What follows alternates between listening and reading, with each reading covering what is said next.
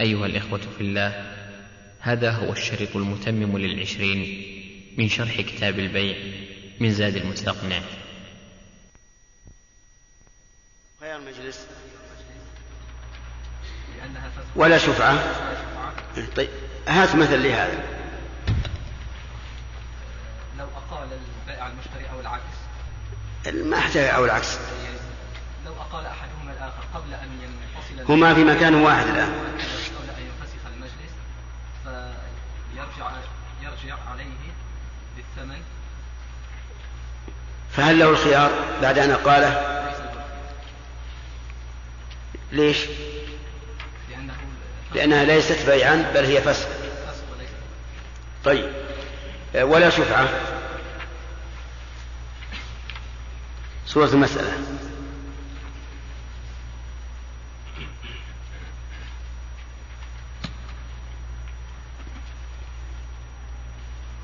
يلا. قل لا أعلم. ومن قال لا أعلم فقد علم. مش. طيب. ولا شفعة نعم. مثل زيد وعمر شريكان في أرض. نعم. فجاء بكر واشترى من زيد هذه القطعة. نعم. آه، ثم نصيبه من الأرض. نصيبه من الأرض. نعم.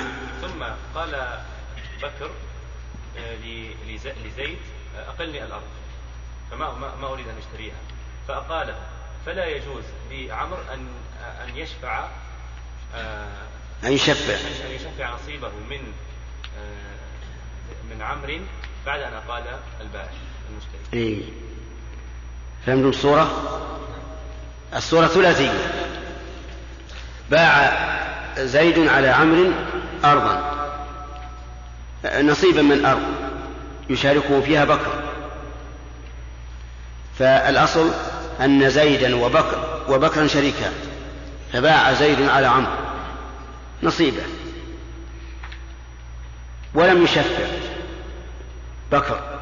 أجاز البيعة وملكها المشتري ثم بعد ذلك رغب أن أن يقيله. فأقاله فهل لشريكه الأول أن يشفع أو لا؟ نعم. لا لأن هذا ليس ببيع. لا هذا ليس ببيع. لكن لو باعها المشتري على الذي باعها عليه أولا فهل لشريكه أن يشفع؟ نعم لأن انتقل ببيع طيب. كل اثنتين طيب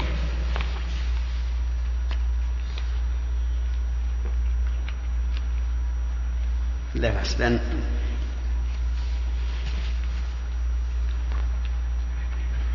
نبدأ. عبد الله؟ علي علي علي بن عبد الله. بسم الله الرحمن الرحيم. نعم. إيش؟ نعم. تخريج الأحاديث قبل الدرس. إيه قبل درس الكافي.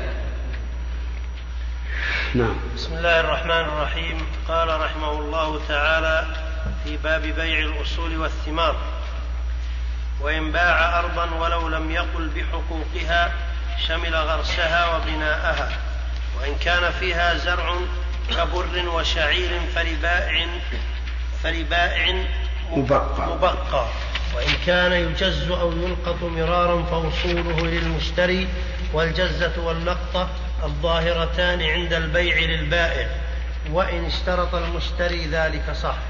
بسم الله الرحمن الرحيم. قال المؤلف رحمه الله باب بيع الأصول والثمار. ما الفرق بين الأصول والثمار؟ نعم. نعم. والدور. وسميت أصلا لأنها تبقى. الثمار؟ نعم. نعم.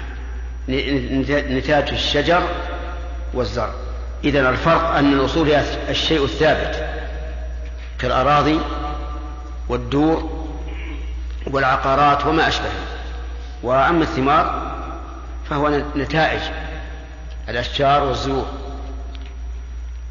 إذا باع إذا باع دارا وأراد البائع أن يأخذ الباب أحد أبواب الحجر. هل يملك ذلك أو يشمل البيع غمدي؟ نعم. معنى منصوب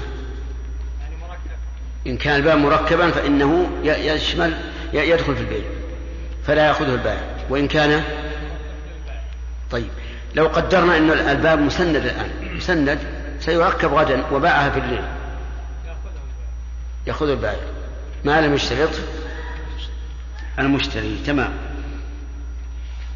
طيب هل هل الكنز يدخل في بيع الدار؟ لا يدخل في بيعها لا بس السؤال محدد. إذا الكنز في الأرض لا يدخل لماذا؟ لأنه غير مقصود بقاء بيعه مع الأرض ولم يجري الأصل بيعه لا. غير متصل اي نعم. لأنه منفصل. بين الأرض وليس عن الدار وليس من من جزء من اجزاء الأرض. إذا باع ارضا دارا وفيها رحى.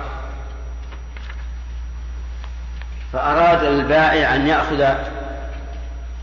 الحجر الفوقاني على على المذهب انه له ذلك لأنه منفصل نعم وعلى الراجح في الصحيح ان شاء الله انه ما ياخذ لأنه في حكم لا يمكن ان يستفيد من هذه الرحى الا بالذي فوقه طيب. إلا بالحجر الفوقاني. صحيح. المذهب يقولون الحجر الفوقاني من الرحى لا يدخل في البيع لأنه منفصل والصحيح أنه يدخل في البيع لأنه تابع لأصله وهو الحجر المثبت. أما إذا كانت رحى موضوعة على الأرض ولم تبنى فإنها لا تدخل في البيع لأنها منفصلة. ثم نأخذ درس جديد. قال المؤلف وإن باع أرضا ولو لم يقل بحقوقها شمل غرسها وبناءها. إذا باع الأرض وفيها غرس فإن الغرس يتبع الأرض لأن الغرس بالنسبة للأرض يعتبر فرعا تابعا لإيش؟ لأصل. وكذلك البناء. إذا باع دار أرضا وفيها بناء فإنه يدخل يدخل في في بيع الأرض. لأن البناء بالنسبة للأرض إيش؟ فرع. فيتبع الأصل. وقوله ولو لم يقل بحقوقها إشارة إلى خلاف في هذه المسألة وأنه إذا لم يقل بحقوقها فإن البناء والغراس لا يدخل في الأرض وعلى هذا فيقدر له قيمة من جديد وإلا فللبائع أخذ. والصواب أنه داخل في الأرض تبعا لها. طيب وإن باع قرصا فهل تدخل الأرض؟ إذا باع نخلة مثلا قال بعث عليك هذا النخل فهل تدخل الأرض؟ لا. لماذا؟ لأن لأن النخل فرع ولا فلا يتبعه الأصل. الأرض أصل والنخل فرع ولا يمكن أن يتبع الأصل الفرع. ولكن في عرفنا نحن وإلى عهد قريب إذا قال باع عليه نخله أو باع عليه أثله أو ما أشبه ذلك فإنه يشمل الأرض ولا يعرف الناس إلا هذا. وعليه فيجب أن تتنزل الألفاظ على الحقائق العرفية. ما لم ينص على أن المراد به الحقائق اللغوية فيتبع ما نص عليه. وأما عند الإطلاق فالواجب حمل الألفاظ على لسان أهل العرف. وهذه قاعدة مضطردة. أن الواجب إيش؟ حمل الألفاظ على لسان أهل العرف. فما اقتضاه لسان أهل العرف وجب حمل اللفظ عليه وما لا فلا. وإن كان فيها زرع كبر وشعير فلبائع مبقى. وإن كان يجز أو يلقط مرارا فأصوله للمشتري والجزة واللقطة طاهرتان عند البيع للبائع. إذا كان في الأرض زرع فهو فهو على نوعين.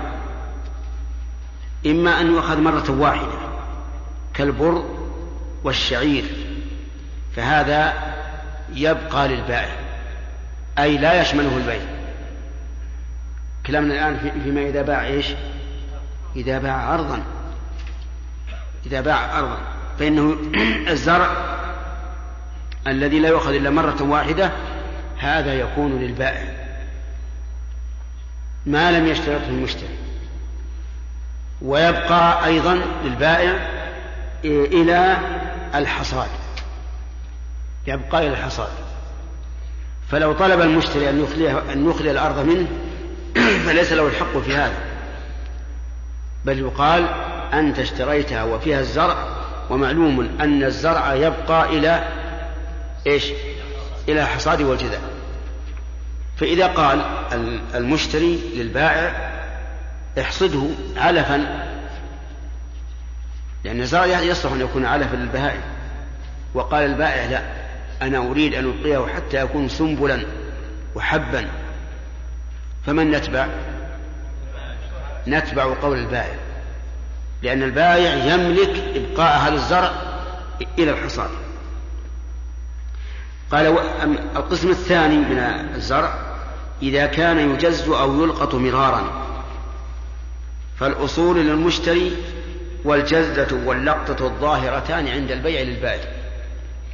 إذا كان هذا الزرع الذي في الأرض يجز مرارا مثل البرسيم.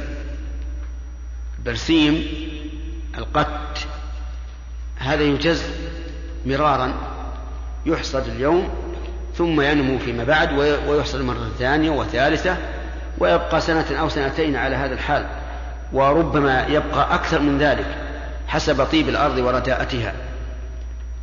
فهذا يقال الأصول للمشتري. الأصول يعني العروق والجذوع للمشتري. والجزة الظاهرة تكون للبائع. مبقاة إلى أوان جزها جزها عادة. اللقطة كذلك إذا كان هذا الزرع مما يلقط مرارا مثل الباذنجان واللوبيا والملوخية والطماطم وما أشبهها. فهذا الأصول للمشتري تبعا للأرض. واللقطة الموجودة تكون لمن؟ للبائع مبقاة إلى أوان أخذها إلى أوان أخذها. فتبين بهذا أن الأرض إذا بيعت وفيها غراس أي غراس شجر فهو تابع إيش؟ للأرض تابع للأصل. وإذا بيعت وفيها زرع لا لا يحصد إلا مرة. فلا فإنه لا يتبع الأرض بل يكون لمن؟ للبائع. وإذا كان فيها زرع أو شجر صغيرة يلقط مرارا أو يجز مرارا فالأصول للمشتري والجزة الظاهرة واللقطة الظاهرة تكون للبائع. هذا هو التفصيل. كل هذا ما لم يشترط أحدهما على الآخر. شرطا يخالف ذلك فعلى ما شرط. ولهذا قال المؤلف وإن اشترط المشتري ذلك صح. إن اشترط ذلك. المشار إليه اللقطة الظاهرة والجزة الحاضرة. إذا قال المشتري أنا لا أريد أن تدخل علي كل يوم تلقط الثمرة الظاهرة أو تجز الحصدة الظاهرة. أنا أشترط عليك أن يكون لي فقبل البائع فلا بأس. ودليل هذا قول النبي صلى الله عليه وسلم من باع نخلا بعد أن تؤبر فثمرتها للذي باعها إلا أن يشترط المبتاع أي المشتري. وكذلك قوله من باع عبد له مال فماله الذي باعه إلا أن يشترط المبتاع. كذلك نقول من باع أرضا وفيها زرع يجز مرارا واشترط المشتري أن يكون أن تكون الجزة الظاهرة له فله ذلك. لأن المسألة حق لآدم وحق الآدمي له إسقاطه إذا لم يتضمن شيئا محرما. اتضح المقام الآن؟ فصارت الأشجار والزروع التي على الأرض الم- المبيعة تنقسم إلى كمال. خطأ. نعم. إلى ثلاثة أقسام الأول نعم.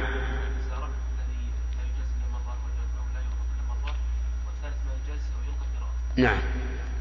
الأول الأشجار. فما حكمها إذا بيعت الأرض وفيها أشجار؟ ها؟ الأشجار للبائع. أشجار نخيل. عنب. تبع الأرض. لمن تكون؟ للمشتري طيب. إذا كان فيها زرع يجز مرارا. أي نعم. الجزة الموجودة تكون للبائع. والأصول للمشتري. طيب لو أن المشتري اشترط الجزة الظاهرة أن تكون له يصلح.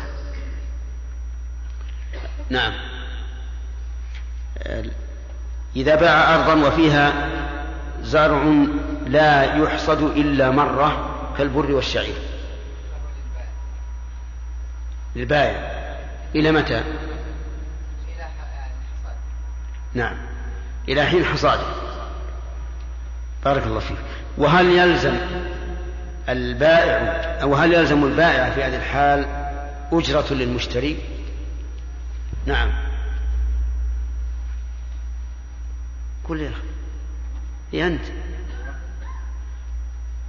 هل يلزم البائع في هذه الحال أجرة للمشتري أو لا؟ لا يلزم. صحيح.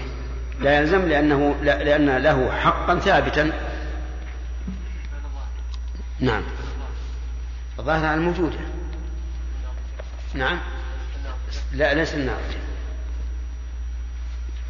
يقول فصل ومن باع نخلا تشقق طلعه فلبائع مبقا إلى الجدار إلا أن يشترطه مشتر. هذا بيع النخل وليس بيع الأرض. إذا باع نخلا النخلة نفسها باعها تشقق طلعه يعني انفرج. وذلك لأن النخلة أول ما, تظهر ثمرتها تكون مغطاة بماذا؟ نعم بالكفرة. اسمها الكفرة. نعم وعندنا نسميه باللغة العامية الكفو. طيب. مغطى ثم إذا نما إذا نما هذا العذق داخله انشق انفرج. فإذا باع نخلا تشقق طلعه فالطلع هنا يكون للبائع الطلع للبائع إلا إذا اشترطه المبتاع. وإن لم يتشقق فهو لمن؟ للمشتري لأنه تبع للشجرة. الدليل قول النبي صلى الله عليه وسلم من باع نخلا بعد أن تؤبر فثمرتها للذي باعها إلا أن يشترط المبتاع. هذا هو الدليل. ولننظر هل الدليل مطابق للمدلول أو لا. الجواب لا. لأن المؤلف رحمه الله علق الحكم بالتشقق سواء أبره البائع أو لا والتأبير التلقيح. وما هو التلقيح؟ أن يؤخذ من طلع الفحل شيء يوضع في طلع النخلة. فإذا وضع صلحت الثمرة وإن لم يوضع فسدت.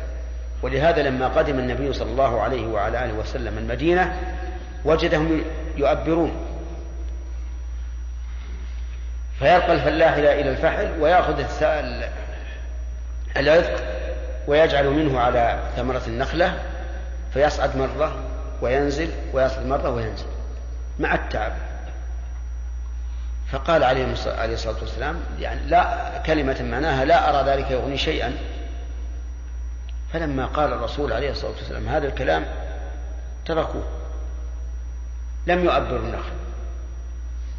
فصارت النتيجة أن النخل فسد. ثم قال النبي عليه الصلاة والسلام بعد ذلك أنتم أعلم بأمور دنياكم وتركهم يؤبرون ومراده أعلم بأمور دنياكم ليس بالأحكام الشرعية فيها ولكن بتصريفها والتصرف فيها. فهو أعلم فنحن أعلم بالدنيا من حيث الصناعة أما من جل أما من جهة الأحكام فهي إلى الله ورسوله. ولهذا أخطأ من قال إن الدين الإسلامي لا ينظم المعاملات. واستدل بهذا الحديث. فنقول هذا غلط عظيم. الحديث ينظم حتى الثمر. أليس الرسول نهى أن تباع الثمار قبل بدو, صلاحها أليس قال من باع نخلا بعد أن تؤبر فذمته الذي باع؟ هذا حكم أحكام شرعية. لكن مسألة التأبير وعدم التأبير داخل في إيش؟ في الصناعة وهذا يرجع إلى التجارب. والناس يعرفون إذا كانوا مجربين أكثر ممن لم يكن مجربا. طيب إذا ننظر. كلام المؤلف علق الحكم بماذا؟ الأخ بالتشقق فمتى باع البائع نخلا متشققا طلعه فالطلع له سواء أبره أم لم يؤبره لكن الحديث قال فيه الرسول صلى الله عليه وعلى آله وسلم من باع نخلا بعد أن تؤبر. ولا يصح الاستدلال بهذا الحديث على ما حكم به المؤلف رحمه الله. والصواب أن الحكم معلق بماذا؟ بالتأبير هذا هو الصواب. أولا لأن النبي صلى الله عليه وعلى آله وسلم علقه به وليس لنا أن نتجاوز ما حده الرسول عليه الصلاة والسلام. ثانيا أن البائع إذا أبره فقد عمل فيه عملا يصلحه وتعلقت نفسه به بخلاف ما إذا لم إيش؟ إذا لم يؤبره. لم يصنع شيئا فيه. فالصواب أنه إذا باع وعلى هذا فالصواب أنه إذا باع نخلا تشقق طلعه قبل أن يؤبره فالثمر للمشتري. وإن وإن أبر فهو للبائع. طيب إذا أبر نخلة ولم يؤبر الأخرى فلكل حكمه. تكون ثمرة النخل المؤبرة للبائع وثمرة النخل غير المؤبرة للمشتري. طيب إن أبر بعض النخلة لأن الطلع قد لا يكون متساويا كما هو الواقع. إن أبر البعض دون البعض فلمن؟ فللبائع. فللبائع. تغليبا للتأبير. ولأنه من المعلوم أنه لا يمكن أن يؤبر النخل جميعا إلا في هذه السنوات الأخيرة بالنسبة لبلادنا فإنهم كانوا يؤبرونها جميعا. ينتظرون قليلا بعد أن تتشقق الأولى ويشقون الصغار قبل أن تتشقق. ليش؟ ليوفر عليهم الطلوع والنزول للنخلة. كانوا في الزمن السابق لما كان الناس نشطاء ومتفرغين كان يمكن يصعد الثمرة ثمرة النخلة عدة مرات يلقح الأول الثمر ووسطه وآخره. أما الآن يقول له خل تصبر شوي. الطلع مبكر والطلع متأخر يشقونه ويلقحونها مرة واحدة. على كل حال إذا كانت نخلة قد أبر بعضها. ولم يؤبر الآخر فإنها تتبع المؤبر وتكون لمن؟ وتكون للبائع نعم. إذا قال قائل لماذا عدل الفقهاء رحمهم الله؟ أو من عدل من الفقهاء عن التأبير إلى التشقق؟ قالوا لأن التشقق هو سبب التأثير التأبير هو سبب التأبير. فعلق النبي صلى الله عليه وسلم الحكم بالتأبير والمراد سببه. فيقال لنا من أين من أين الدليل على أن هذا هو مراد الرسول عليه الصلاة والسلام؟ وكلامه صريح واضح. فكيف يجوز لنا أن أن نحرفه إلى معنى آخر؟ خلاف ظاهر اللفظ. ثم إن العلة في كون الثمر للبائع بعد التأبير واضحة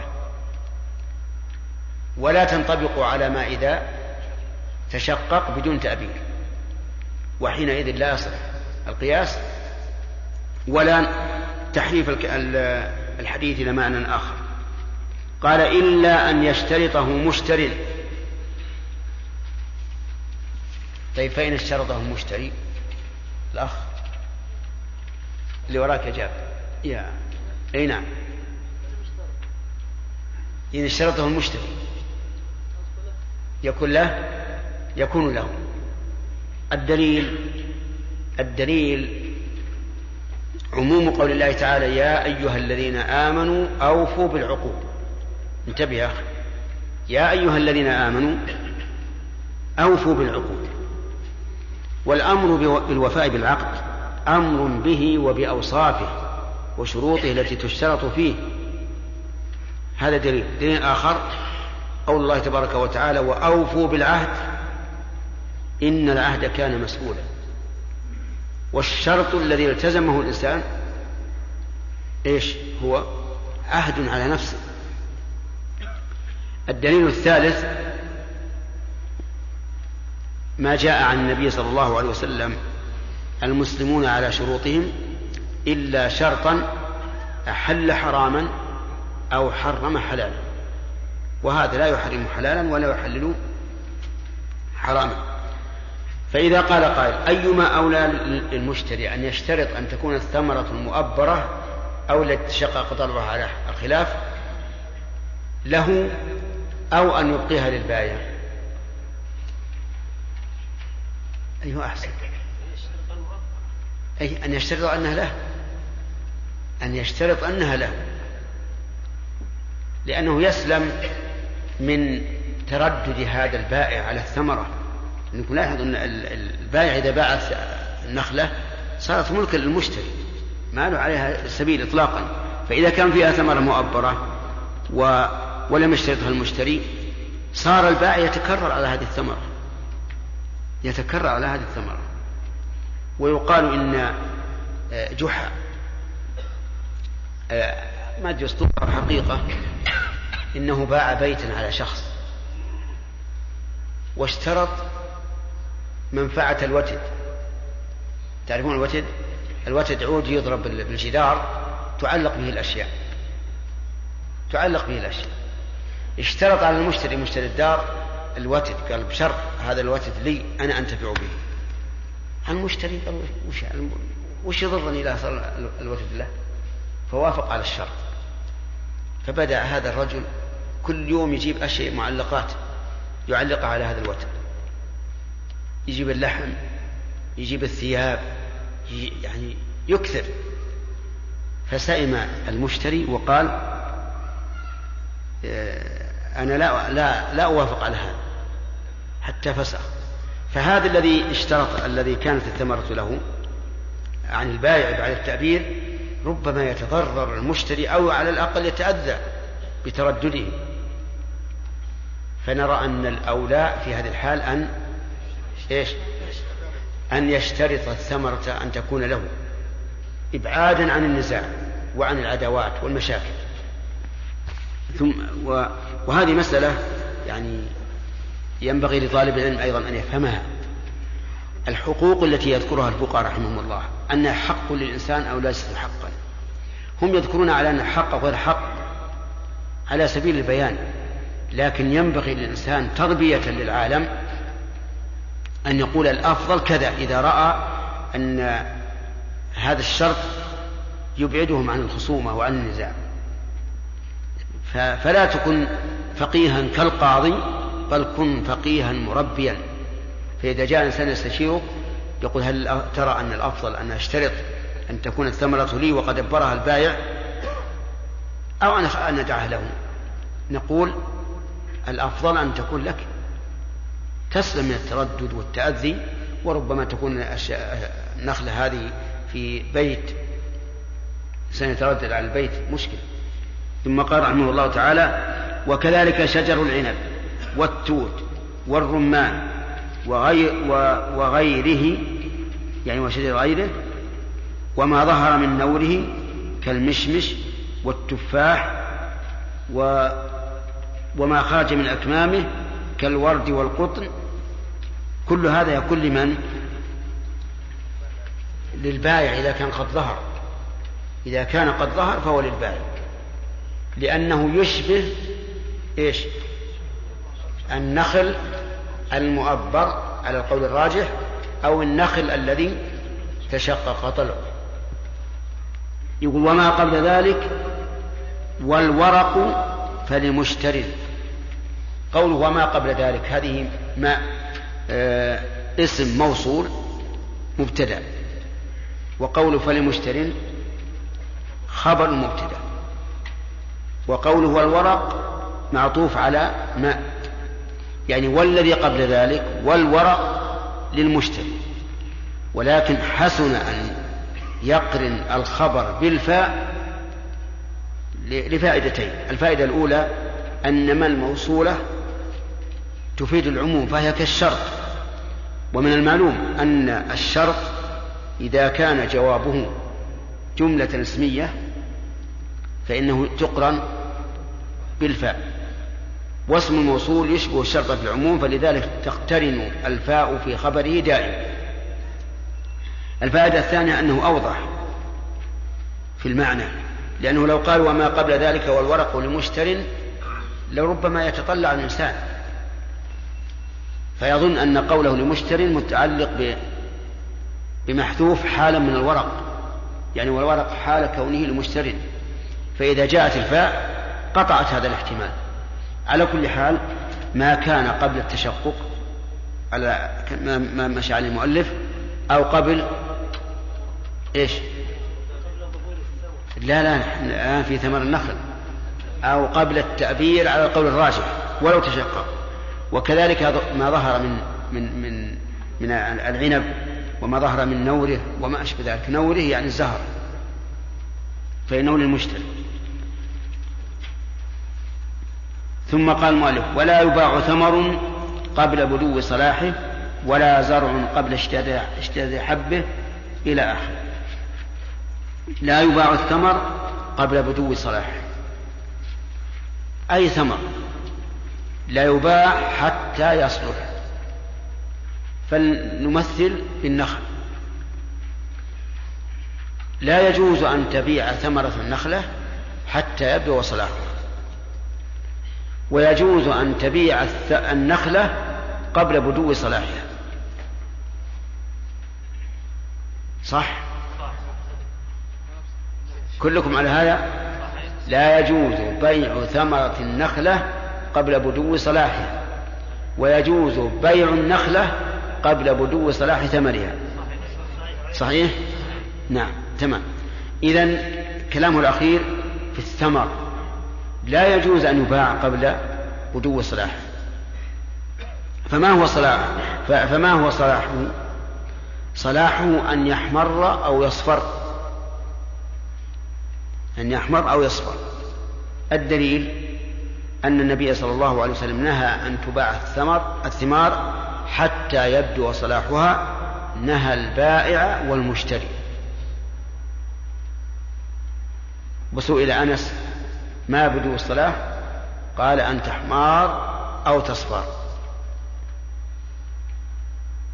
طيب فلو أن الإنسان باع ثمرة نخل نخلة أخضر خضراء ثمرة خضراء حتى الآن ما فيها تلوين. فالبيع إيش؟ البيع فاسد لأن النهي وقع على عقد البيع وكل نهي وقع على عمل سواء عبادة أو معاملة فإنه يقتضي الفساد. إذا نقول في هذه الحال البيع فاسد والثمر للبائع والثمن لمن؟ للمشتري. طيب فإن بدا فيها حبة واحدة بدا صلاحها فهل يجوز بيعها؟ واحدة. يجوز لأنه بدا الصلاح طيب فإن أخذها أخذ ما الحبة التي بدا صلاحها فهل يجوز بيعها بعد أخذها؟ نعم. في ظني أنه أنكم ستختلفون. هذا رجل عنده نخلة فيها لون واحد فقط. فصعد ثم أخذها فهل يجوز بيعها بعد أخذها؟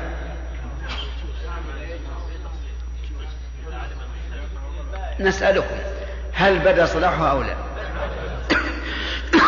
نعم إذا بدا صلاحها يجوز.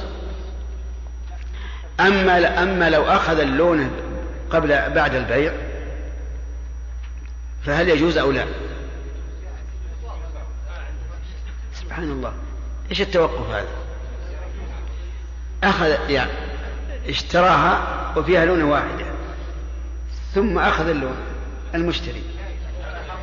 يجوز؟ ما في إشكال؟ الظاهر أن العقيل عنده في إشكال. ها؟ ما في إشكال. بالجواز أو عدمه؟ نعم. الصورة الأولى الظاهر أنها تجوز أيضا.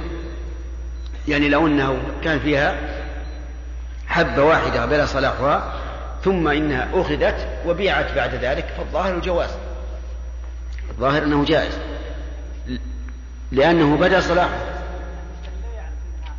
لا لا لا يعني متيقنين أما مسألة إن, إن إنها الآن خضراء ونقول لعل فيها حبة بدا صلاحها ثم سقطت أو أخذت هذا لا يجوز. كلام تيقنا.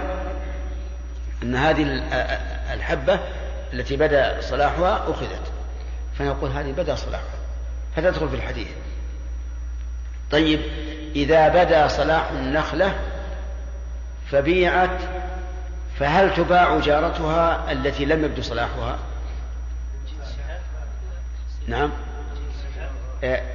نخلة. بدا صلاحها. فبيعت. وجارتها لم يبدو صلاحها. هل تباع الجارة هي من نوعها. طيب كم كم عقدنا الآن؟ صار في هذه الصفقة. عقد واحد أو اثنان. باع نخلة. بدا صلاحها. على فلان. ثم باع جارتها عليه أو على غيره. بعقد آخر جديد. أيجوز أو لا؟ هذا لا يجوز معلوم لأن العقد عقدان في هذه الصورة. أما لو باعهما جميعا وهما من نوع واحد فالبيع فالبيع صحيح. وإذا كان من نوع آخر فالبيع غير صحيح. فمثلا عند الناخل يسمى السكري وأظن معروف لكم. وإلى جانبه برحية. فباع سكرية بدا صلاحها وبرحية لم يبدو صلاحها. أيجوز أم لا؟ لا يجوز لأنهما نوعان مختلفان. باع سكرية بدا صلاحها وسكرية أخرى لم يبدو صلاحها صفقة واحدة. جاز؟ طيب الآن تعدد المبيع. فيقال هو هو من جنس واحد فكأنهما نخلة واحدة. فلهذا يجوز. هذا هو تحرير المسألة فيه وقال بعض أهل العلم إذا بدا الصلاح في البستان في نخلة واحدة منه جاز بيع جميعه سواء كان جملة أم تفريدا. لأن هذا النخل الآن بدأ الصلاة وتوسع آخرون فقال إذا بدا صلاح ثمرة القرية جاز بيع جميع النخل فيها. لكن القول الأول أصح أننا نعتبر كل واحدة بنفسها. فإن باع جميع فإن باع فإن بيع جميعا فإننا نرجع إلى الجنس ما كان من جنس واحد فصلاح الواحدة منه صل... نعم ما كان من نوع واحد فصلاح الواحدة منه صلاح للجميع. وإذا اختلفت الأنواع فلكل نوع حكمه. نعم.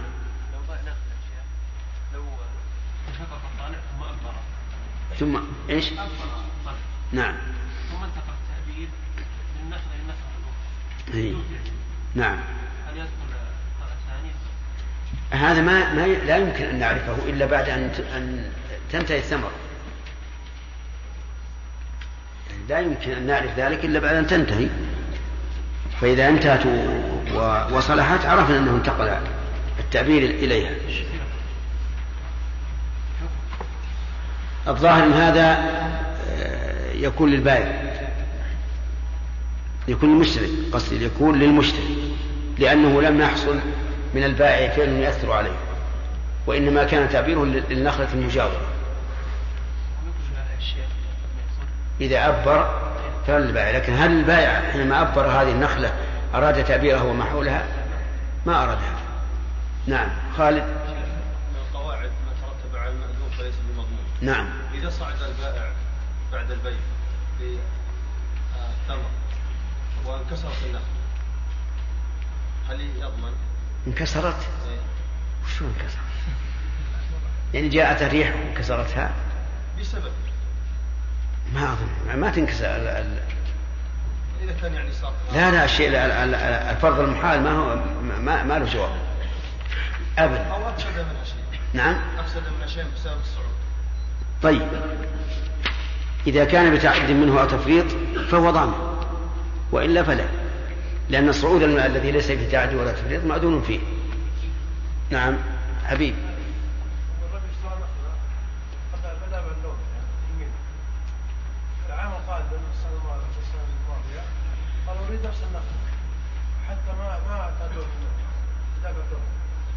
فسنتين والثانية كل سنة استغل اللون الثمرة الجديدة ما تلحق بال- بالقديمة.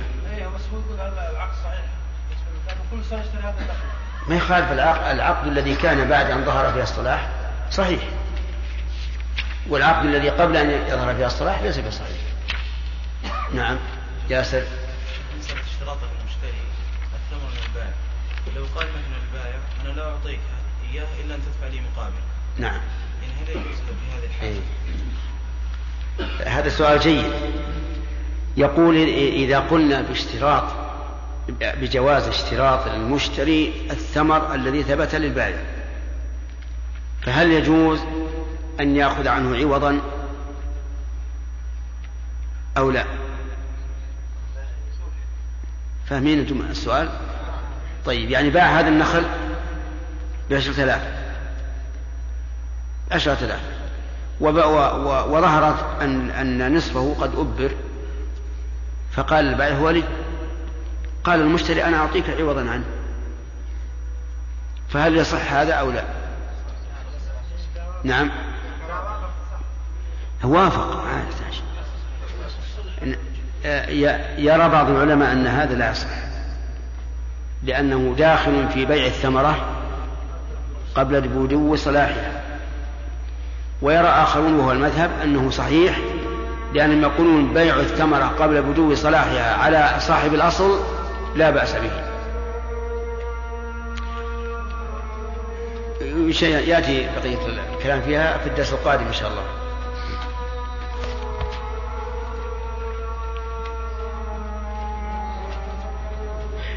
هذا. الشجرة فرع بلى. وإذا أغرس الشجرة في أرض وأزلاها في أرض إيش؟ وأزلاها وأزلاها الشجرة في أرض موسى أزلاع إيه، أغصانها يعني أغصانها. على أرضك. لا لا أصلها في أرض أصحابها في أصلها في أرضك. وأغصانها على أرض الآخر. والثمرة الثمرة تبع- الأصل لصاحبها. لكن لكن لو السؤال الذي يمكن أن يرد. لو تصالح الجار مع جار وقال إن الأغصان المتدلية على أرضي إما أن أن تقطعها لأن, لأن الإنسان يملك إلى إلى الثريا يملك الهواء إلى السماء. إما أن تقطعها وإلا فاجعل لي نصف ثمرتها ال- ال- التي في المتدلي على أرضي هل يجوز ولا لا يجوز؟ فاهمين يا جماعة؟ هذا إنسان عنده شجرة برتقال. نعم برتقال. في حافة أرضه. أغصانها تمددت وتدلت على أرض جاري. معنى الجار طيب. الجار قال لصاحب الشجرة اقطع أغصانها. الهواء لي. هل يملك هذا أو لا؟ يملك. يملك. أن تقطع تقطع الأغصان ولا تلوى حتى تكون في أرض صاحب الشجرة. لكن صاحب الأرض.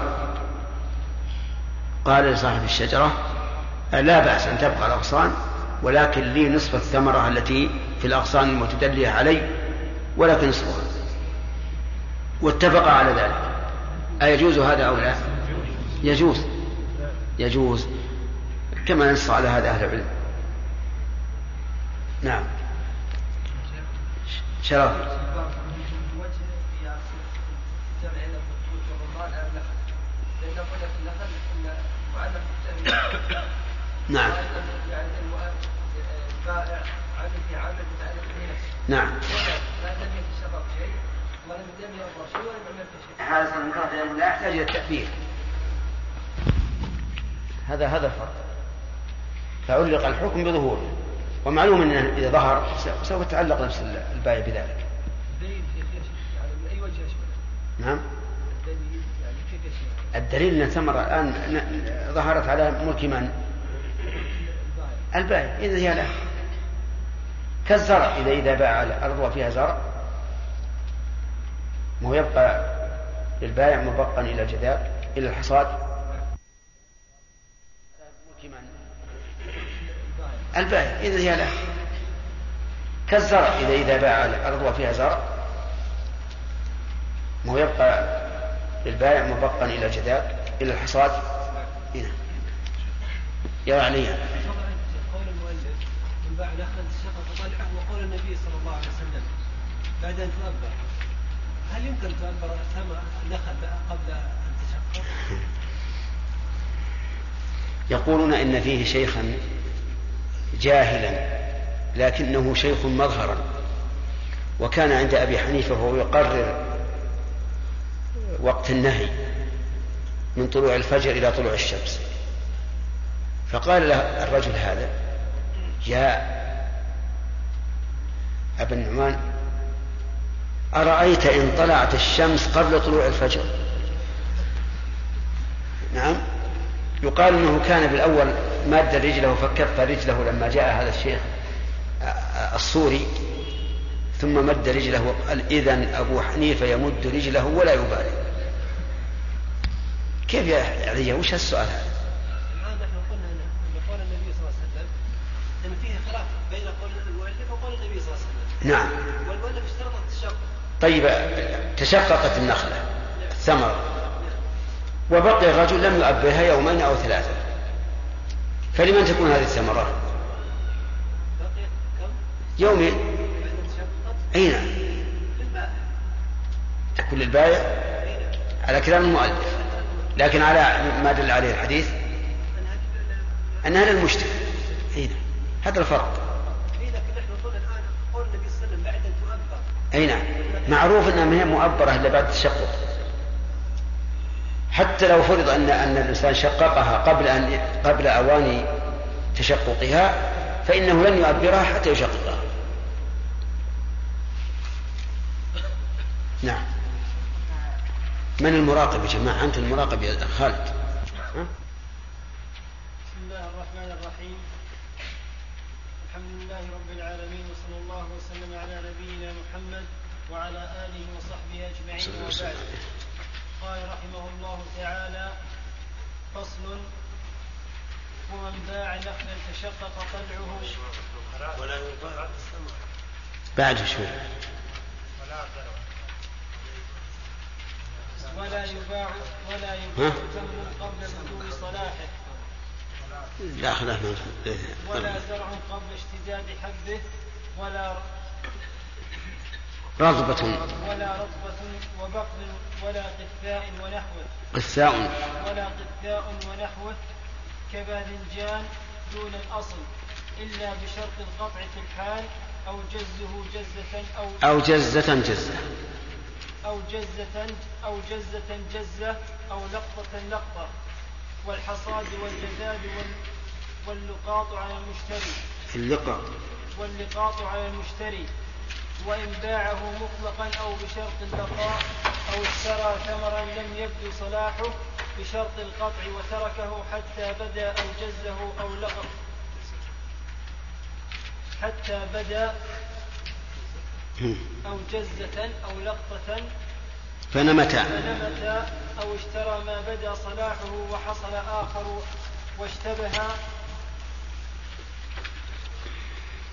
أو نعم. عرية فأ- نعم.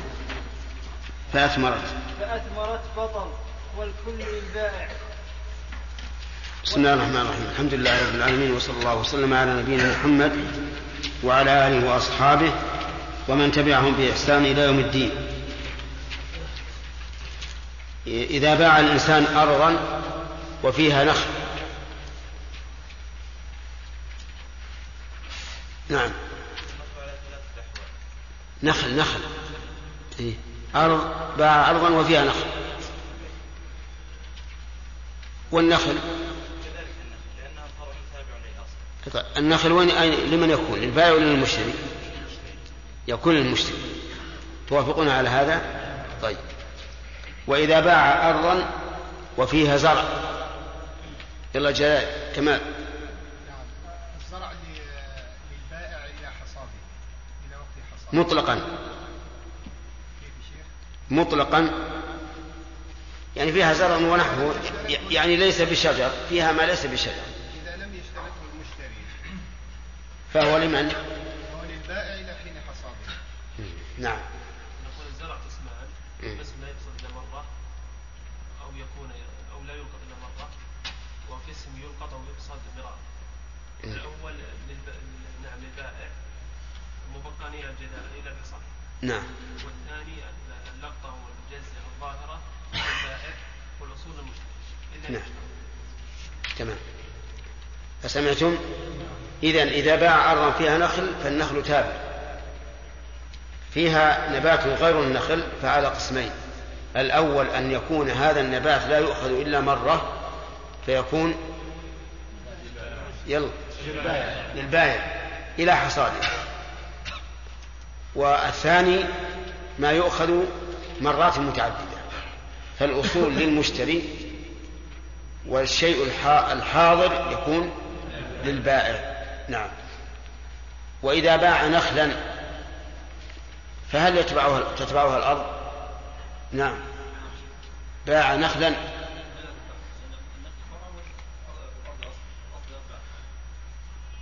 توافقون على هذا؟ يقول إذا باع نخلا فإن أرضه لا تتبعه. يكون للمشتري حتى يفنى ثم تعود الأرض إلى البائع. طيب آه، ذكرنا على هذا ملاحظة. ما هي شرافي؟ نعم.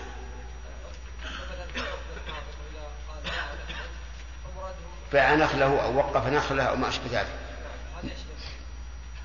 مرادهم البستان كله. نعم. مرادهم البستان كله طيب.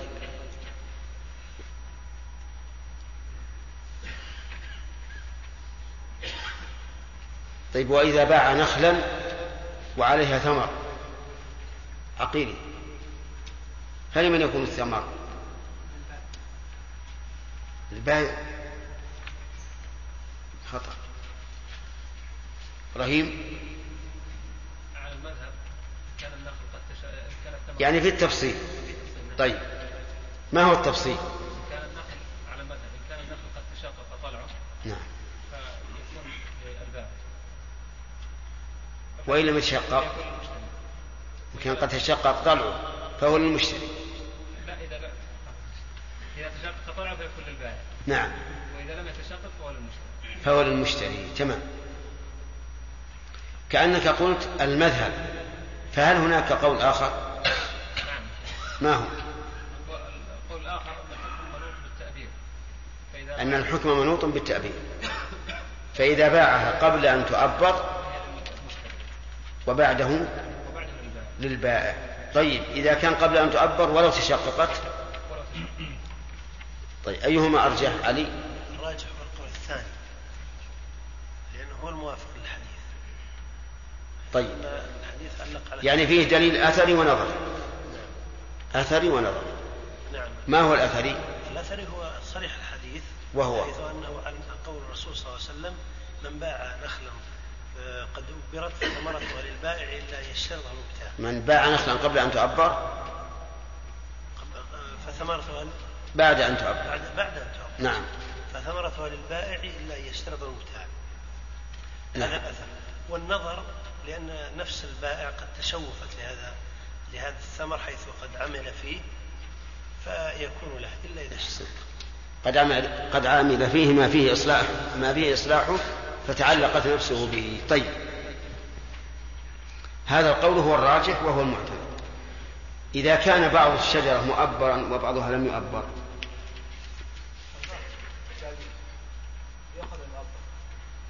والباقي؟ يعني يكون الثمر بعضه للبائع وبعضه للمشتري. هي نخلة واحدة.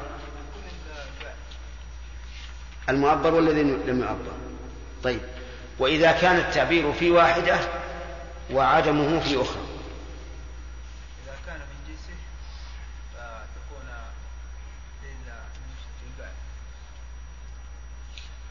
ما هو صحيح؟ آه. كذا؟ توافقون على هذا؟ طيب. إذا إذا كان التعبير في نخلة بعضه بعضها مؤبر وبعضها غير مؤبر حكم بها للبائع. وإذا كان في نخلتين فما أبر فللبائع وما لم يؤبر فللمشتري. طيب. هل يجوز آه، نعم. إذا بيعت الثمرة دون النخلة؟ الأخ. أنت جاءت الثمرة دون النخلة نعم. فهل تكون النخلة آه، تبعا للثمرة؟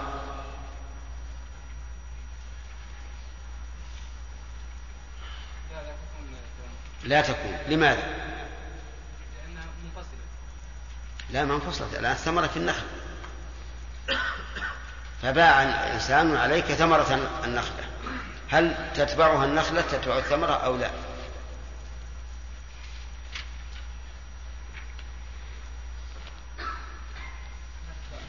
لماذا؟ لأن الأصل لا يتبع الفرع. أحسنت. لأن الأصل لا يتبع الفرع. ولو باع النخلة تبعت الثمرة.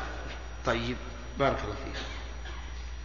ما الذي يشترط في بيع الثمرة؟ بدو الصلاح. الدليل؟ نعم. وهذا دليل أثري. هناك دليل نظري وهي أنها إذا بيعت قبل بدو صلاحها فإنها لا تصلح للأكل وتكون عرضة للآفات والفساد. وإذا حصل هذا صار نزاع بين البائع والمشتري والشريعة تقطع كل شيء يكون سببا للنزاع والبغضاء والفرقة.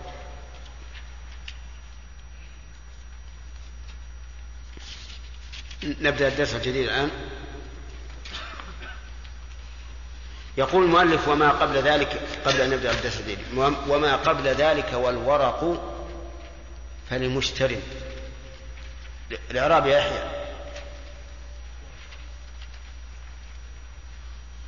راعي وما قبل ذلك والورق فللمشتري. اعرب بالجملة. ما؟ اسم موصول. محله. مرفوع على مبني على السكون في محل رفع في محل رفع على الابتداء. طيب. كمل. كمل. وما قبل ذلك والورق.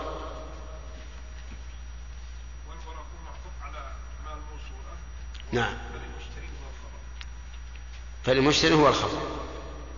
توافقون هذا الإعراب؟ ها؟ طيب.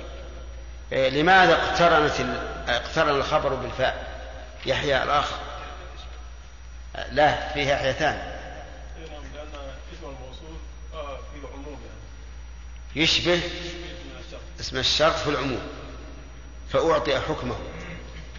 طيب هذه واحدة. وأيضا في هذه العبارة بالذات اي نعم لأنه آه، اذا قرن بالفاء ويدل على تعين أن يكون خبرا. نعم. وإذا ولو حذفت لم يتعين لم يتعين لاحتمال أن يكون حالا من الورق. طيب. بقي علينا لمشتر في الإعراب لا بأس نمدد شوي. اعرب لمش- لمشتري نعم.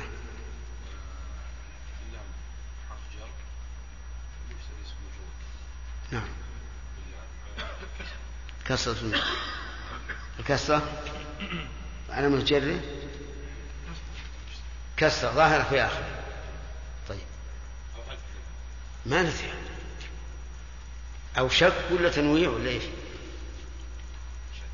شك. إذا لم تجب. فؤاد المشتري هذا محل حرف في علامة كسره الكسر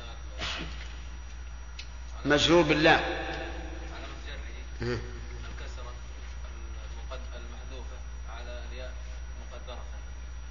الكسرة المحذوفة على الياء.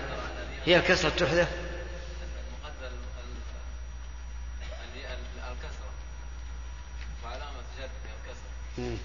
وين؟ الكسرة اللي في الراء؟ اللي في الراء؟ نعم. المقدرة على الياء المحذوفة. إيه.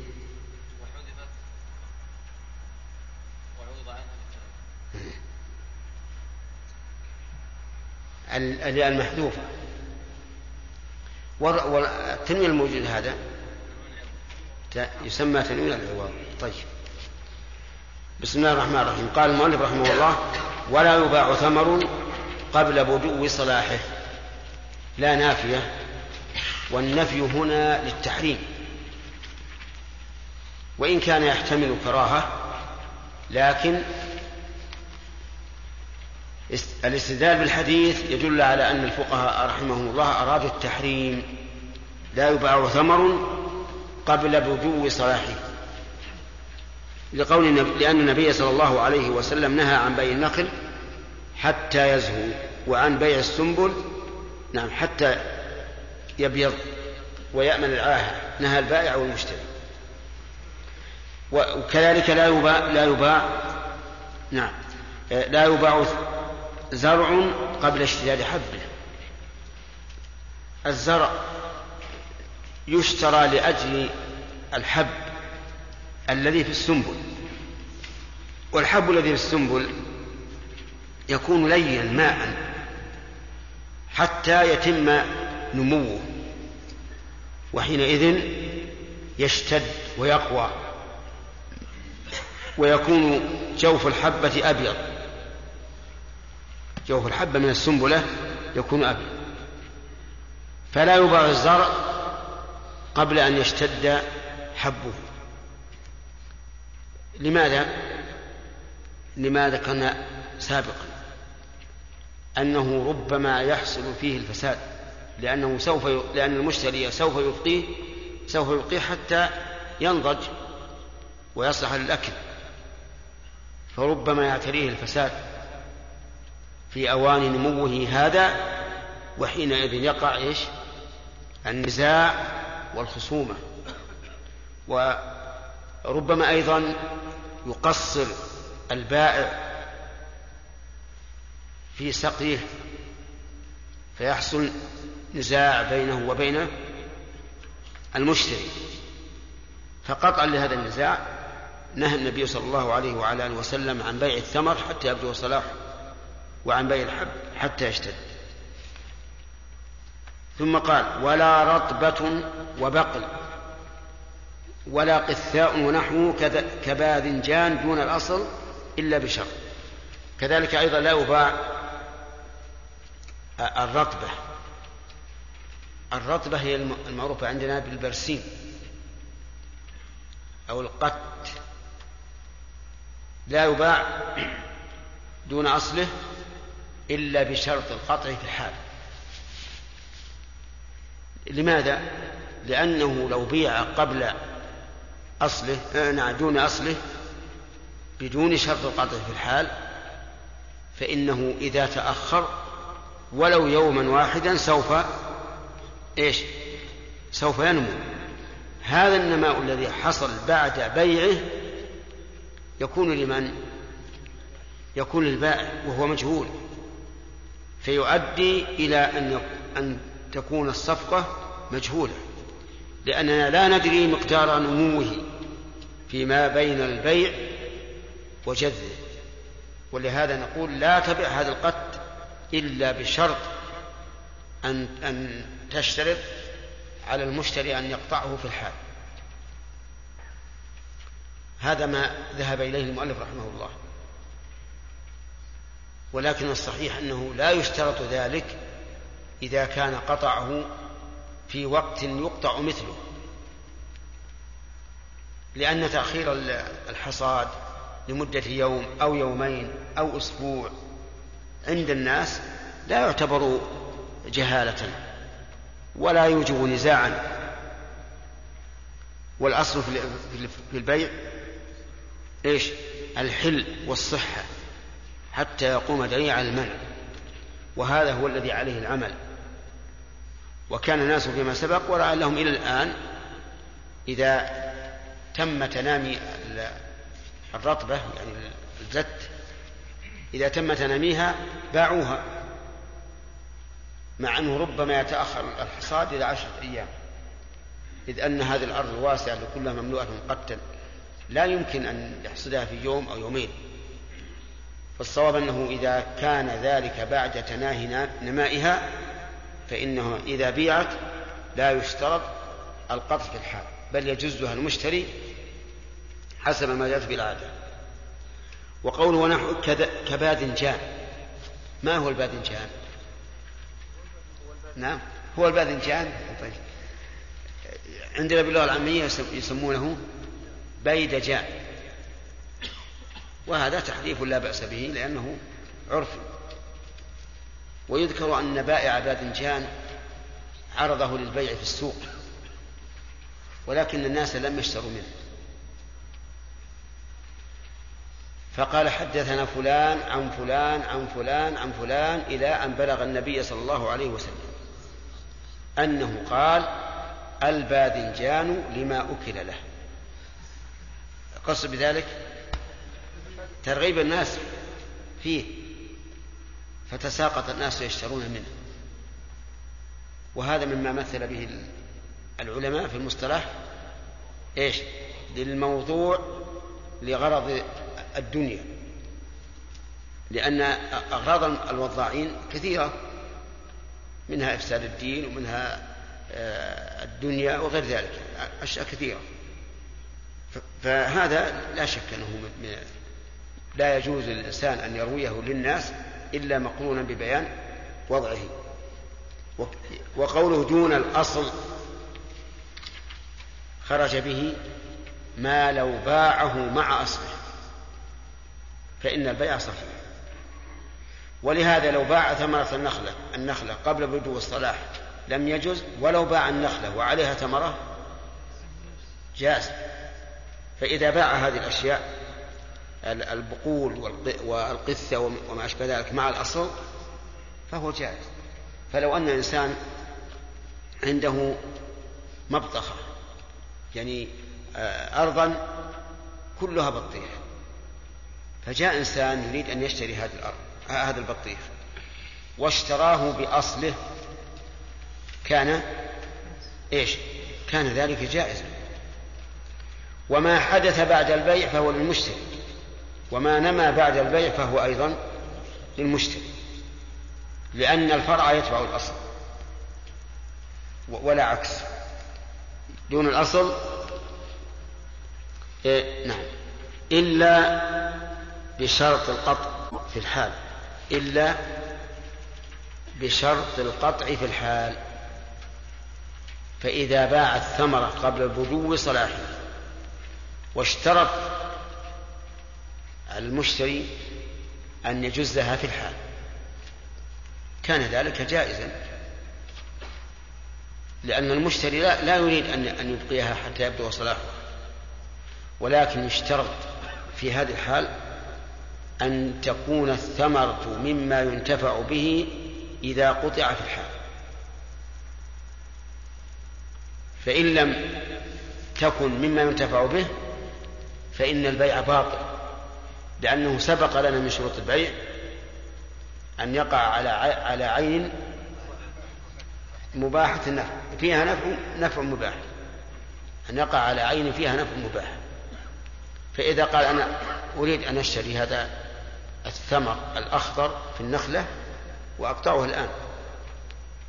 قلنا البيع صحيح بشرط أن يكون ينتفع بهذا البلح. كيف ينتفع به للبهائم مثلا. ينتفع به للدواب ينتفع به لأشياء أخرى ربما يجري عليه تجارب أو ما أشبه ذلك. المهم أنه إذا باع الثمرة قبل بدو صلاحها بشرط القطع فهو إيش؟ فالبيع جائز بشرط أن يكون فيه نفع وإلا فلا يجوز. طيب الزرع. باع زرعا فيه سنبل ولكنه لم يشتد واشترط البائع على المشتري قط حصاده في الحال. فالبيع جائز بشرط أن يكون منتفعا به. ما الذي ينتفع به من الزرع إذا جد قبل أن يشتد؟ أن يكون علفا يكون علفا. وهذا أمر قد قد يكون مصلحة للبائع ومصلحة للمشتري. أما مصلحة المشتري فهو يحتاجه للعلف علف الدواب. وأما البائع فربما يكون محتاجا إلى الأرض ليبني عليها أو يزرعها زرعا آخر فيكون في هذا مصلحة للمشتري ومصلحة للبائع. طيب استثنى استثنى العلماء رحمهم الله الفقهاء ما إذا باع الثمرة أو الزرع لمالك الأصل. مالك الأصل. فإنه يقولون لا بأس بذلك. مثل لو أن الثمرة كانت للبائع. يعني باع ثمرة قد أبرت يعني باع نخلة قد أبرت فالثمر لمن؟ للبائع. بعد مدة جاء البائع إلى المشتري الذي اشترى النخل وقال له أنا لا أريد أريد أن أبيعها عليك. فهنا باع ثمرا ها قبل بدو صلاح لكنه باعه على مالك الأصل. فالفقهاء رحمهم الله قالوا يجوز أن يبيع الثمرة قبل بدو صلاحها على مالك الأصل وكذلك يجوز أن يبيع الزرع على قبل اشتداد قبل اشتداد حبه على مالك الأرض. أصل الزرع هو الأرض. ولكن عموم الحديث يرد هذا القول. فإن قال قائل أليس لو باعت النخلة وعليها ثمرة مؤبرة واشترط المشتري أن تكون له. أليس هذا جائزا؟ بلى بنص الحديث. لكن البيع الآن صفقة واحدة. فجاز اشتراط الثمرة تبعا للأصل لأن الصفقة واحدة. أما بعد أن تتم الصفقة الأولى ثم يأتي البائع الذي كانت الثمرة له فيبيع فيبيع الثمرة على المشتري فهذا لا يجوز في ظاهر الحديث. أما الفقهاء فقالوا إنه يجوز كما لو اشترط الثمرة عند البيع فإنها فإن ذلك صحيح. الكلام واضح ولا غير واضح طيب. واضح الجميع يا إخوان؟ ما أدري والله السكوت هذا يدل على الإقرار ولا يدل على الإنكار؟ طيب لا بأس. الآن فهمنا أنه لا يجوز بيع الثمرة قبل بدو صلاحها ولا الزرع قبل اشتراها إلا بشرط القطع في الحال. ما معنى شرط القطع في الحال؟ يعني باع صاحب النخلة ثمرتها قبل أن يبدو صلاحها لكن قال للمشتري لا تقطعها في الحال. باع صاحب الزرع الزرع وقال للمشتري قبل اشتراء حبه وقال للمشتري بشرط تحصده الآن. البيع صحيح ولا غير صحيح؟ هذا صحيح. لكن زدنا نحن شرطا آخر وهو أن ينتفع به. طيب. لو أن إنسانا باع الزرع قبل اشتراء قبل اشتراء حبه أو التمرة قبل بدو صلاحها بدون شرط القطع فالبيع غير صحيح. قال الفقهاء إلا إذا باع ذلك على مالك الأصل فلا بأس. كيف يبيع على مالك الأصل؟ يعني صورة القضية أن الفلاح زرع هذه الأرض. زرعها لمالكه الأرض للمالك والزارع زرع الزرع. نعم. فأراد الزارع أن يبيع على صاحب الأرض الزرع قبل اشتراء قبل اشتراء حبه. أيجوز هذا أو لا؟ على كلام الفقهاء يجوز. يجوز. لأنه باع الفرع لمالك الأصل. كذلك في الثمرة. الثمرة للبائع لأنه باع النخلة بعد أن أبرها. فالثمرة له. لكن بعد أن تمت الصفقة طلب المشتري من البائع الذي كانت الثمرة له أن يبيع عليه الثمرة. فرغب أن يبيعها عليه هل يصح أو لا يصح؟ على كلام الفقهاء يصح. لأنه باع الفرع على مالك الأصل فجاز. ولهم استدلال في الحديث. قالوا إذا كان النبي صلى الله عليه وسلم أجاز أن يشترط المشتري الثمرة التي يستحقها البائع لأنه ملك الأصل فكذلك أيضا إذا باعها البائع عليه بعد تمام الصفقة فقد باعها على مالك الأصل. أليس لو أن البائع باع الثمر النخلة وفيها ثمر مؤبر وقال واشترط المشتري أن يكون الثمر له؟ أليس هذا جائزا؟ بلى بنص الحديث. لقول النبي صلى الله عليه وسلم إلا أن يشترط المبتاع. هم يقولون إذا كان يجوز اشتراط الثمرة التي للبائع لتكون للمشتري فكذلك إذا باع البائع الثمرة على مشتري الشجرة لتكون ثمرة له. فنقول هذا ليس بصحيح ولا يصح القياس.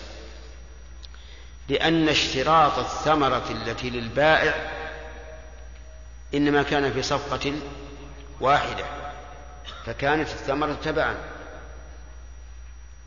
وأما إذا انتهت الصفقة الأولى ثم أراد المتبايعان أن يعقدا صفقة جديدة على الثمرة وهي لم لم يبدو صلاحها فإن ذلك لا يجوز لأن النبي صلى الله عليه وسلم نهى أن تباع الثمار حتى يبدو صلاحها اللهم يسر.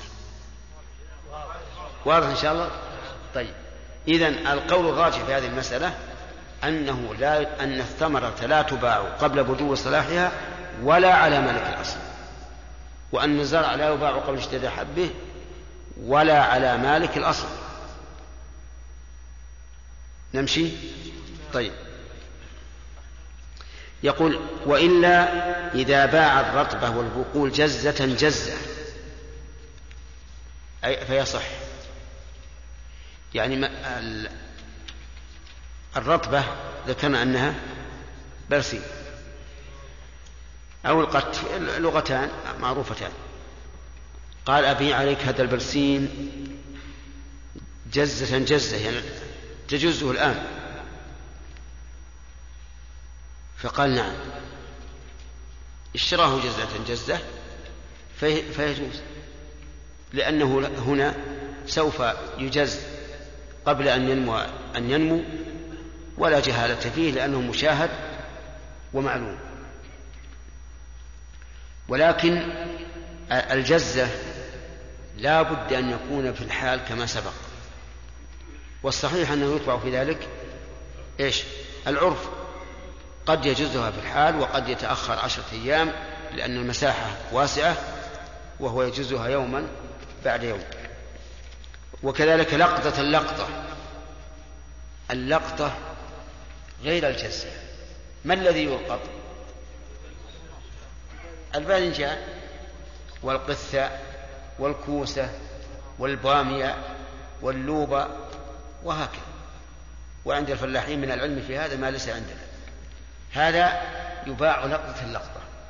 يعني اللقطة الحاصلة الآن موجودة يبيعها. أما ما لم يوجد فإنه مجهول وينطبق عليه نهي النبي صلى الله عليه وسلم عن بيع الغرض ثم قال المؤلف الحصاد والجذاذ واللقاط أو اللقاط على المشتري. الحصاد في إيش؟ للزرع. واللقاط للقثاء ونحوه. والجداد للنخل ونحوه. هذا على المشتري لأنه تفريغ ملكه من ملك غيره. فهو المسؤول عنه. لكن لو اشترط المشتري على على البائع أن يكون ذلك عليه. فصحيح. لو اشترط ذلك فإنه صحيح. لو قال المشتري أنا اشتريت منك ثمر النخل ولكني أنا ليس عندي من يجذه فأنت أيها الفلاح جذه لي وأتي به. وقال لا بأس. فيكون الجذاذ عليه بالشرط. وهذا شرط لا يستلزم جهالة ولا غررا ولا ظلما ولا ربا. والأصل في الشروط إيش؟ الحل والصحة إلا ما قام الدليل على منعه. واللقاط على المشتري وإن باعه الضمير يعود على ما سبق تحريم بيعه. إن باعه مطلقا يعني من غير شرط القطع يعني باع الثمرة قبل بدو صلاحها ولم يشترط القطع. هذه هذه المسألة مسألة مطلقا يعني من غير ذكر للقطع ولا التبقية أو بشرط البقاء فإنه لا يصح البيع. وذلك لأن الأمر الممكن لا يخلو من أحوال ثلاث. إما أن يبيعه بشرط القطع في الحال أو بشرط التبقية أو يسكت. ففي الحال الأولى إيش؟ يصح البيع. في الحال الثانية والثالثة لا يصح. فهمنا. طيب. مثال ذلك إنسان أتى إلى الفلاح وعنده نخلة فيها ثمر لم يبدو صلاحه فقال بعني هذا الثمر. قال أبيعك إياه. فباعه واشترط المشتري على البائع أن يبقى إلى الصلاح. يصح أو لا؟ لا يصح. لأن النبي صلى الله عليه وسلم نهى عن ذلك. طيب. اشترط البائع على المشتري أن يقطعه في الحال. يصح بشرط أن يكون ينتفع به. سكت. لا يصح. لأن هذه الصورة الثالثة أو الحالة الثالثة تدخل في عموم نهي النبي صلى الله عليه وسلم عن بيع الثمرة قبل بدو صلاحها. ولهذا قال إن باعه مطلقا أي بدون شرط أو بشرط تبقية لم يصح. ولو اشترى أو أو اشترى. أو اشترى ثمرا لم جت الأسئلة؟ طيب. نعم. إذا باع نعم. ثم حصل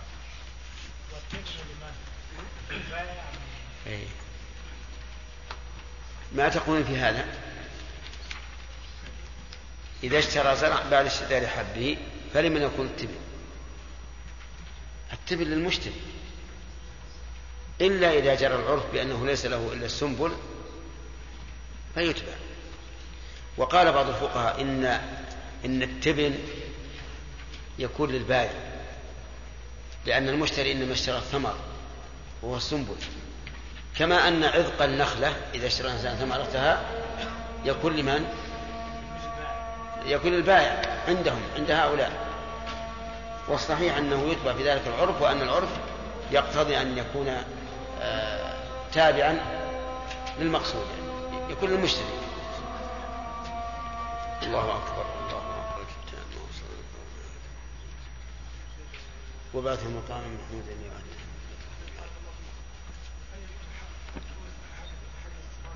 إيش؟ حجز كيف حجز؟ فلاح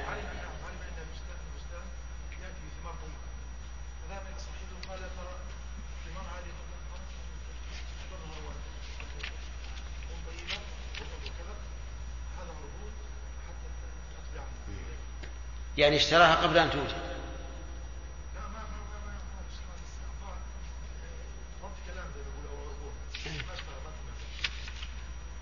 أليس عقد معه؟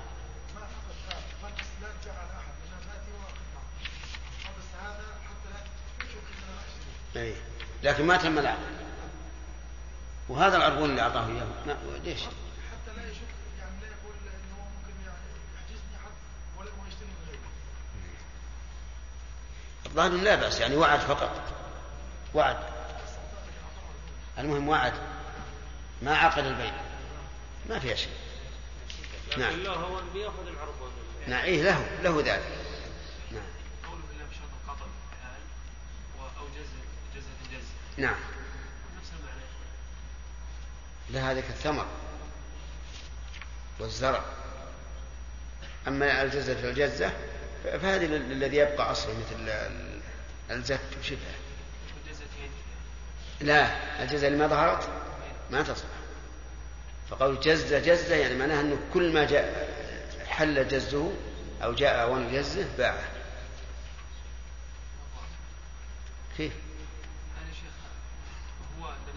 الآن مثلا ال- الزت نعم ما هو كلما حصلوه نبت من جديد نقول إذا هنا إذا حصلت الجزة وانتهى وصل ما بقي إلا أن يجز يجوز بيعه. الجزة الثانية إذا إذا بلغت أن تجز كذلك. نعم. شيخ إن باع زرعا قبل أن يشتد حب واشترطنا الجز في الحال. نعم. أو على القول الراجح أننا لا نشترط ذلك. كيف نشترط؟ لا نشترط ذلك إذا كان اشتراه يعني لا البهائم لا يشترط يجز في الحال؟ إيه جاء الجز بالحال لكن قلنا أنه مو لازم أنه, إنه بشرط أن لا يمضي وقت ينمو فيه. وقت مضى وقت يعني في العرف نعم. حتى بدأ أو اشتد الحب نعم. ما يبي يجينا إن شاء الله. نعم غفر الله لكم من باع ثمرا بعد بدون صلاح ثم فيما بعد بدا لهذا المشتري قبل بدو صلاحه سيأتينا إن شاء الله. الذي هو الجوائح. نعم.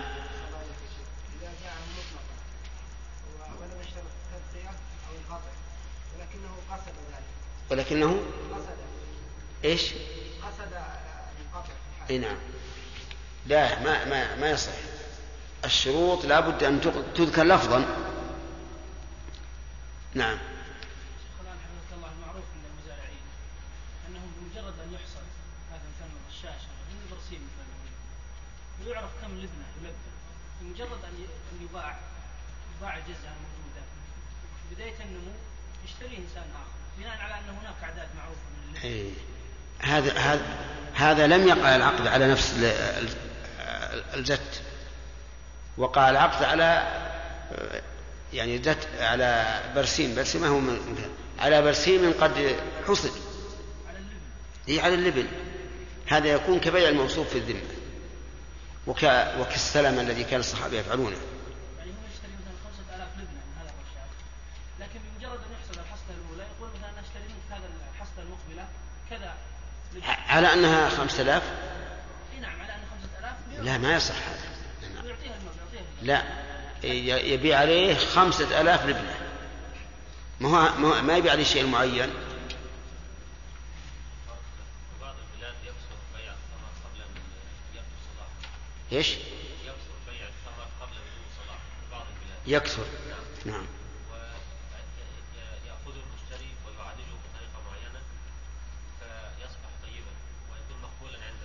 لكن يعني يجده في الحال؟ ها على فترات يعني يأخذه على فترات حسب البيع الذي يبيع به ويسويه بطريقة معينة ويكون مرغوبا عند الناس بل ربما يكون ثمنه أعلى مما تعتقد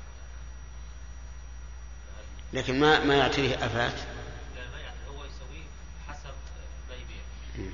هو يستخدمه في معين الظاهر اذا إذا جرى العرف بهذا بأن بأنه ما فيه ضرر ولا فيه آه، عرضة لفساد الثمر فلا بأس. لأن هذا قد يقال إن هذا بدو صلاح عند بعض الناس.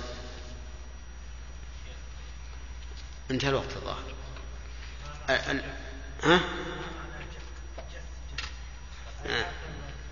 إيه قت لا هذا على اللغة اللغات العامية محضة. ست. إيه.